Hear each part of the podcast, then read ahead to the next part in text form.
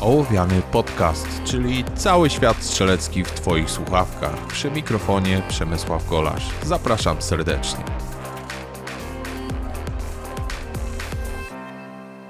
Cześć, witajcie w 30 odcinku Ołowianego. A dzisiaj pomówimy sobie na temat celowania z użyciem mechanicznych przyrządów celowniczych. Aż ciężko uwierzyć, że mamy 30 odcinek i jeszcze nie nagrałem odcinka typowo poświęconego właśnie celowaniu z użyciem muszki i szczerbinki. Ale stało się tak dlatego, że poniekąd te tematy przeplatały się już wcześniej. Przede wszystkim był temat dotyczący tego, jak celować w wypadku strzelstwa bojowego. Było kilka uwag tu i ówdzie, jeżeli chodzi o strzelanie z użyciem kolimatora. Natomiast dzisiaj przejdziemy do takiej bazy. Pomówimy sobie o tym, jakie rodzaje przyrządów celowniczych można zastosować na pistolecie. Powiem Wam o tym, jak celować, czy obuocznie, czy z użyciem jednego oka i jakie to ma znaczenie.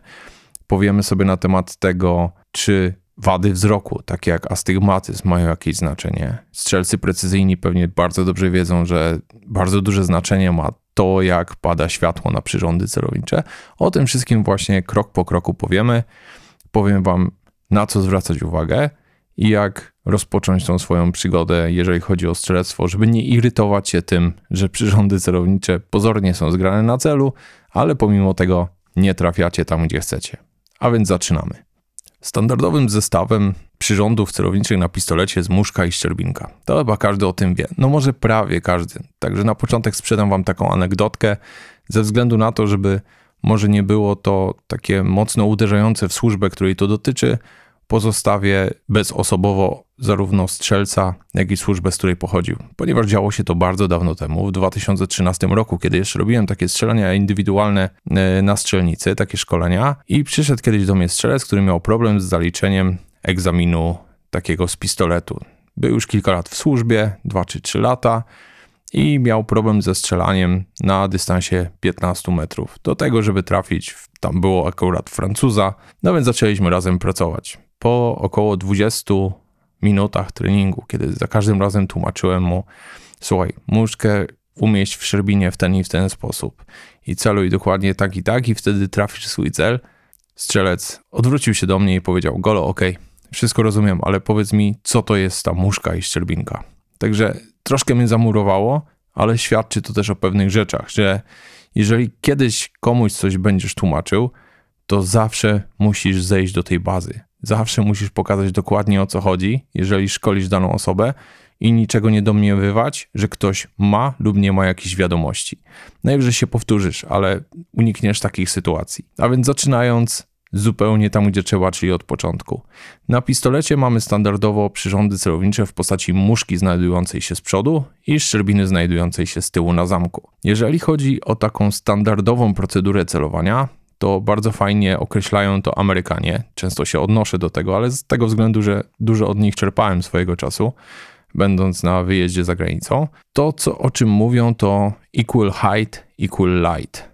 To znaczy, że zwracamy uwagę na dwie rzeczy. Na to, aby muszka była równo ze szczerbiną, jeżeli chodzi o ułożenie góra-dół, i o to, aby mieć równą ilość światła po obu stronach muszki w szczerbinie.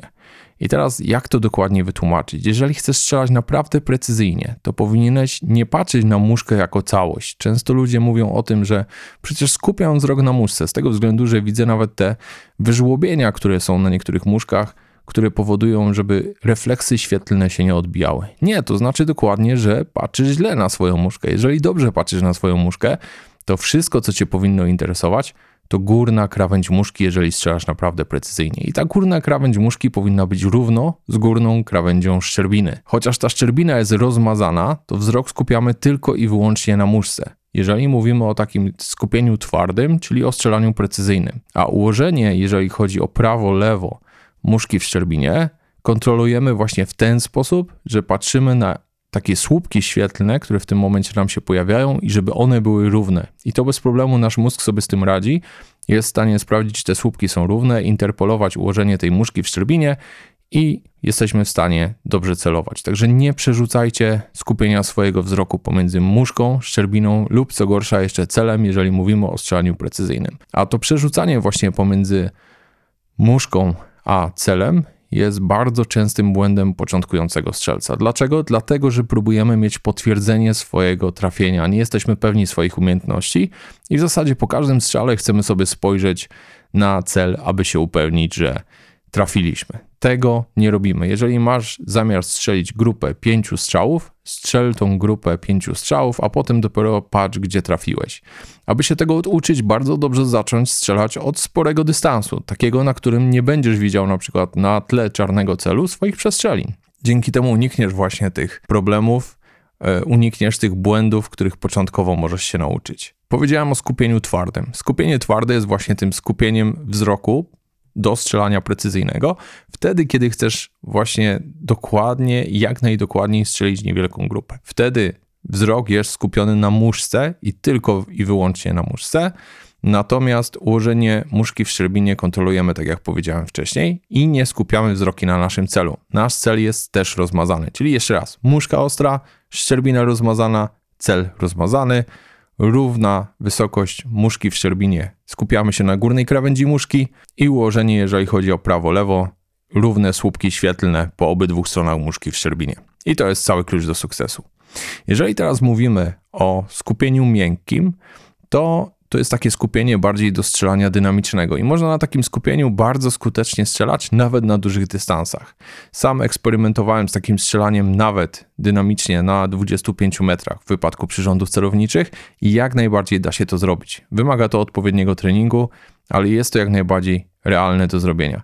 Na czym polega skupienie miękkie? Skupienie miękkie polega na tym, że wzrok jest cały czas skupiony na celu, czyli tak jak w wypadku strzelania z kolimatorem, Jedynie co nas interesuje to cel. I to nie cel jako całość, bo jeżeli weźmiemy cel jako całość, to gdzieś w ten cel będziemy trafiać. A przecież nie na tym nam zależy, tylko na tym, żeby trafić ten cel w jakiś określony rejon czy punkt. Także skupiamy wzrok dokładnie na danym punkcie, tak jakbyśmy chcieli taką lunetą przybliżyć sobie ten cel i wybrać jeden charakterystyczny punkt. I na tym punkcie skupiamy swój wzrok. I w zasadzie więcej nas nic nie interesuje. Na tle tego celu widzimy obraz zgrubnie zgranych przyrządów celowniczych. W miarę jak wasz indeks będzie się coraz lepiej wyrabiał, te przyrządy będą się niejako zgrywać automatycznie. I ten rozmazany obraz zgrubnie zgranych przyrządów celowniczych w zupełności wystarczy do tego, aby skutecznie celować. Jeżeli ten obraz teraz położycie sobie pod tym punktem, na którym skupiacie swój wzrok, to wszystko, co Was interesuje podczas strzelania, to to, aby po każdym strzale przyrządy wracały dokładnie w ten sam punkt, czyli układały się pod tym punktem, w który celujecie. I teraz jest jeszcze jeden problem. Problem polega na tym, że pistolety generalnie są ustawione dwojako. Albo są ustawione sportowo, albo są ustawione bojowo. Jeżeli mówimy o pistoletach ustawionych sportowo, to bardzo dobrze znacie przykład tarczy olimpijki, czyli tej tarczy z pierścieniami, białe, czarne pierścienie, przy których pistolet ustawiony sportowo należy ustawić lekko pod czarne, czyli patrzcie na styk białego z czarnym z lekką granicą białego wystającego, aby trafić y, swój cel dokładnie w środek, czyli w dziesiątkę. Jeżeli mówimy teraz o pistoletach z bojowymi przyrządami celowniczymi lub ustawionych w ten sposób, to w tym momencie, jeżeli chcemy trafić w środek czarnego, musimy dokładnie ustawić nasze przyrządy celownicze pod środkiem czarnego, czyli de facto przecinamy tą czarną strefę, ten czarny okrąg na pół na 25 metrach. Stąd znacznie trudniej takimi pistoletami celuje się i strzela precyzyjne, takie typowe strzelectwo, jeżeli są to przyrządy mechaniczne, nieregulowane. I teraz trochę może o przyrządach celowniczych. Jeżeli mamy przyrządy celownicze, to w zasadzie możemy je podzielić na dwie kategorie: stałe i regulowane. Stałe są zdecydowanie lepsze do tego, aby strzelać strzelectwo typowo bojowe, ponieważ czasami trzeba przeładować o szczerbinę awaryjnie pistolet, jeżeli obsługujemy broń jedną ręką. Czasami jest taka sytuacja, że w jakiś element przesłony lub czegokolwiek innego uderzymy tą muszką lub szczerbiną. Są one zdecydowanie bardziej wytrzymałe na tego typu historie. Jeżeli mówimy o przyrządach regulowanych, to mają one ten plus, że jeżeli mamy regulowaną szczerbinę, bo zazwyczaj szczerbina jest regulowana w pistoletach, to możemy sobie dokładnie ustawić ten pistolet tak, jakbyśmy chcieli, czyli zarówno do strzelania sportowego, pod czarne, jak i do strzelania bojowego, czyli w cel. Ponownie kategorie przyrządów mają inny jak gdyby podział. Są przyrządy standardowe, czyli takiej wysokości, jakiej widzimy mechaniczne przyrządy celownicze i są przyrządy celownicze podwyższone, których używamy do strzelania z tłumikiem huku zamontowanym na pistolecie, ponieważ w tym momencie standardowe przyrządy byłyby za nisko, nie bylibyśmy w stanie widzieć jednocześnie celu i przyrządów. I używamy często tych przyrządów jako przyrządów zapasowych w wypadku strzelania z użyciem kolimatora zamontowanego na zamku pistoletu. Na wypadek, gdyby się zepsuł kolimator, kropka przestanie działać, możemy w tym momencie strzelać z użyciem mechanicznych przyrządów zapasowych. Jeżeli mówimy o przyrządach zapasowych do kolimatora, to zasadniczo powinny one być czarne, bez żadnych punktów, bez światłowodów muszce, a także bez wkładek, jeżeli chodzi o tryt. Chodzi o to, żeby nam te przyrządy nie przeszkadzały, kiedy strzelamy normalnie z użyciem kolimatora i mamy swój wzrok skupiony na celu. Nie chcemy w tym momencie mieć niczego, co odwraca naszą uwagę. Najgorszą opcją, jaka może być, jest w tym momencie zamontowanie sobie wysokiej muszki światłowodowej z czerwonym światłowodem i próba strzelania z kolimatora. W pewnych warunkach w ostrym świetle słonecznym może się okazać, że będą nam się te kropki po prostu myliły i nie będziemy celować tam, gdzie powinniśmy. Natomiast muszka ze światłowodem jest bardzo fajnym przyrządem do strzelania takiego szybkiego, dynamicznego z pistoletu. Dlaczego? Dlatego, że jest ona bardzo dobrze widoczna w różnych warunkach oświetlenia. I w zasadzie na bardzo bliskim dystansie strzelamy z pistoletu niejako z wykorzystaniem przyrządów mechanicznych, tak jakbyśmy strzelali z użyciem kolimatora. To znaczy, że tak jakby szczerbina była tym okienkiem kolimatora, w którym porusza się ta kropka muszki i tylko zwracamy uwagę na to, żeby gdzieś w tym okienku szczerbiny, które nam się pojawia, znalazła się kropka tej muszki, ten czerwony punkt światłowodu. Jeżeli tam jest, to na bardzo bliskim dystansie, 5-7 metrów nawet, bez problemu trafiamy alfę, jeżeli zachowamy ten warunek. Jeżeli mówimy o bardzo bliskim strzelaniu, to często strzela się w ogóle sylwetkowo, czyli patrzymy po prostu na zarys pistoletu na celu, na środku strefy alfa. Jeżeli nie zepsujemy w tym momencie pracy na języku spustowym, to powinniśmy trafić w nasz cel. O tym, jakie ma znaczenie celowanie obłoczne, powiedziałem trochę w wypadku strzelectwa bojowego w tym piątym odcinku, więc jeżeli chcecie, to posłuchajcie sobie. Ale naprawdę, jeżeli myślicie o strzelaniu bojowym, naprawdę trzeba strzelać obłocznie. Natomiast jeżeli mówimy o takim strzelaniu sportowym, czy to statycznym, czy dynamicznym, to przy statyce większość strzelców zdecydowanie strzela z wykorzystaniem jednego oka, albo przymykając drugie, co jest mniej takim profesjonalnym rozwiązaniem, albo używając różnego rodzaju blend, czy też e, okularów, które zasłaniają drugie oko, po to, aby być w stanie idealnie skupić wzrok na muszce, na jej górnej krawędzi i precyzyjnie strzelać do celu. Jeżeli mówimy o strzelectwie dynamicznym, też nie jest to jednoznaczne. Ja od początku strzelałem e, z użyciem obu oczu otwartych, z tego względu, że tak się nauczyłem strzelać. Bardzo szybko przestawiłem się na strzelanie obuoczne i nawet precyzyjnie strzelam obuocznie. W zasadzie nigdy nie zamykam jednego oka. Stało się już dla mnie to tak naturalne, że kiedy przymykam jedno oko, w jakiś sposób wytrąca mnie to z równowagi i strzelam znacznie gorzej. Natomiast wielu strzelców dynamicznych dalej strzela z użyciem jednego oka, celując po prostu jednym okiem. E, są różne rozwiązania. Niektórzy zamazują sobie po prostu okular, niektórzy mają jakieś taśmy naklejone na okular, jeszcze inni mają jakąś kropkę, tak zwany magic dot, wygooglujcie sobie, który się nakleja po prostu na wewnętrzną część okularu tego oka, które nie jest okiem wiodącym i w tym momencie możemy sobie spokojnie strzelać okiem wiodącym. Nie mamy pozornego obrazu przyrządów celowniczych, ponieważ to jest to, co najbardziej przeszkadza początkującym strzelcom. Jeżeli celujemy obocznie, to mamy obraz rzeczywisty przyrządów celowniczych i obraz pozorny przyrządów celowniczych. Często też mamy dwa obrazy celu, też rzeczywisty i pozorny. I musimy się nauczyć, który jest prawdziwy, czyli czy lewy, czy prawy. W zależności od tego, którym okiem scelujecie, oczywiście e, sytuacja wygląda inaczej. Natomiast to, że nauczycie się dobrze strzelać obuocznie i w zasadzie ten drugi obraz będzie zupełnie ignorowany praktycznie przez wasz mózg, nie oznacza to tego, że on się nigdy nie pojawi. W wielu sytuacjach, kiedy strzelałem bardzo dużo z przyrządów mechanicznych, był taki jeden, dwa dni treningowe w ciągu roku, że tak jakby wszystko się cofnęło. Dalej widoczny był bardzo wyraźnie obraz przyrządów, ten właśnie pozorny i obraz celu pozorny. Natomiast jeżeli od początku nauczycie się nie tylko tego, aby on w pewien sposób był ignorowany, ale nauczycie się, który z tych obrazów jest właściwy, nie będzie to większym problemem przy strzelaniu. Teraz jeżeli chodzi o dominację oka. Dominacja oka może być różnoraka i to trzeba sobie na początku powiedzieć, ponieważ Kiedy nakręciłem swojego czasu materiał na temat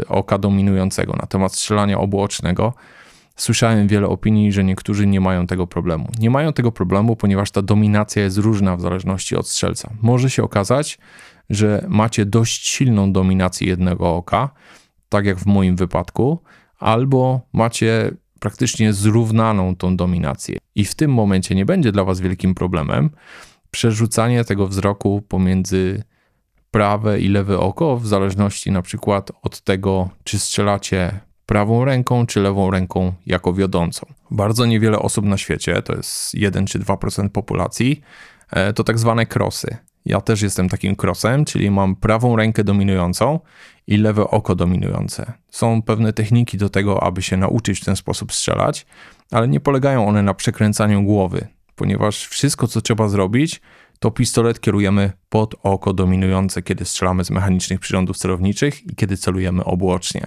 Zawsze pistolet idzie do oka, a nie oko idzie do pistoletu. To jest reguła, której się trzymamy i dzięki niej będzie wszystko tak, jak ma być. Jeżeli chodzi o jakieś inne wady wzroku, zdecydowanie oczywiście, jeżeli jesteście jakimś dalekowidzem, będziecie mieli problem skupić się na mechanicznych przyrządach celowniczych, które są stosunkowo blisko, natomiast nie będziecie mieli problemu widzieć dokładnie swojego celu. W tym momencie możecie po prostu się uczyć strzelać na skupieniu miękkim od początku. Może nie będziecie super strzelcem precyzyjnym, ale bez problemu będziecie sobie radzić z dynamiką. Innym rozwiązaniem jest oczywiście przejście na kolimator.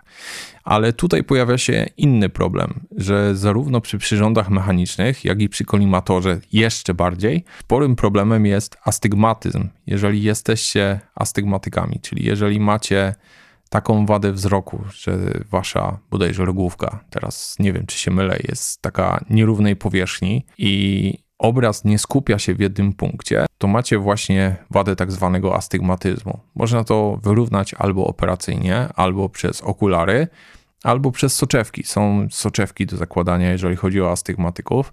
Ja mam takie soczewki, tak zwane soczewki toryczne bodajże i bez problemu już circa about 10 lat strzelam z takimi soczewkami, nie mam najmniejszego problemu. Nawet kropki w kolimatorze widzę idealnie równe.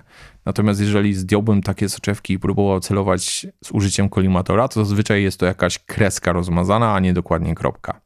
Jeżeli chodzi o celowanie z użyciem przyrządów mechanicznych, mam z tym znacznie mniejszy problem, pomimo astygmatyzmu.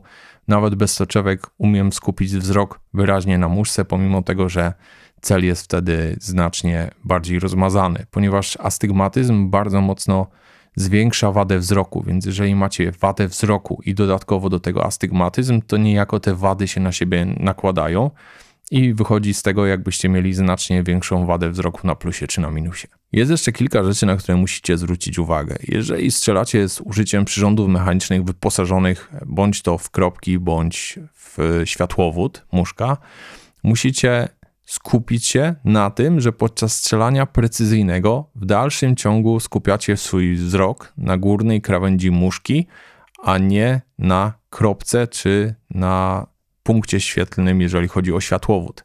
Dlatego, że te elementy, czy to kropka namalowana, czy światłowód, są umieszczone niżej, poniżej górnej krawędzi muszki.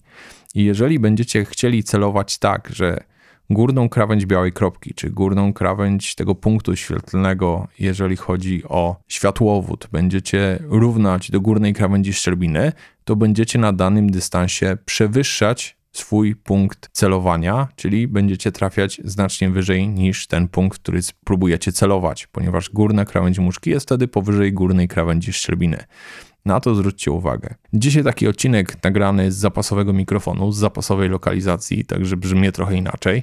E, mam nadzieję, że mimo wszystko nie jest tak tragicznie i da się tego słuchać.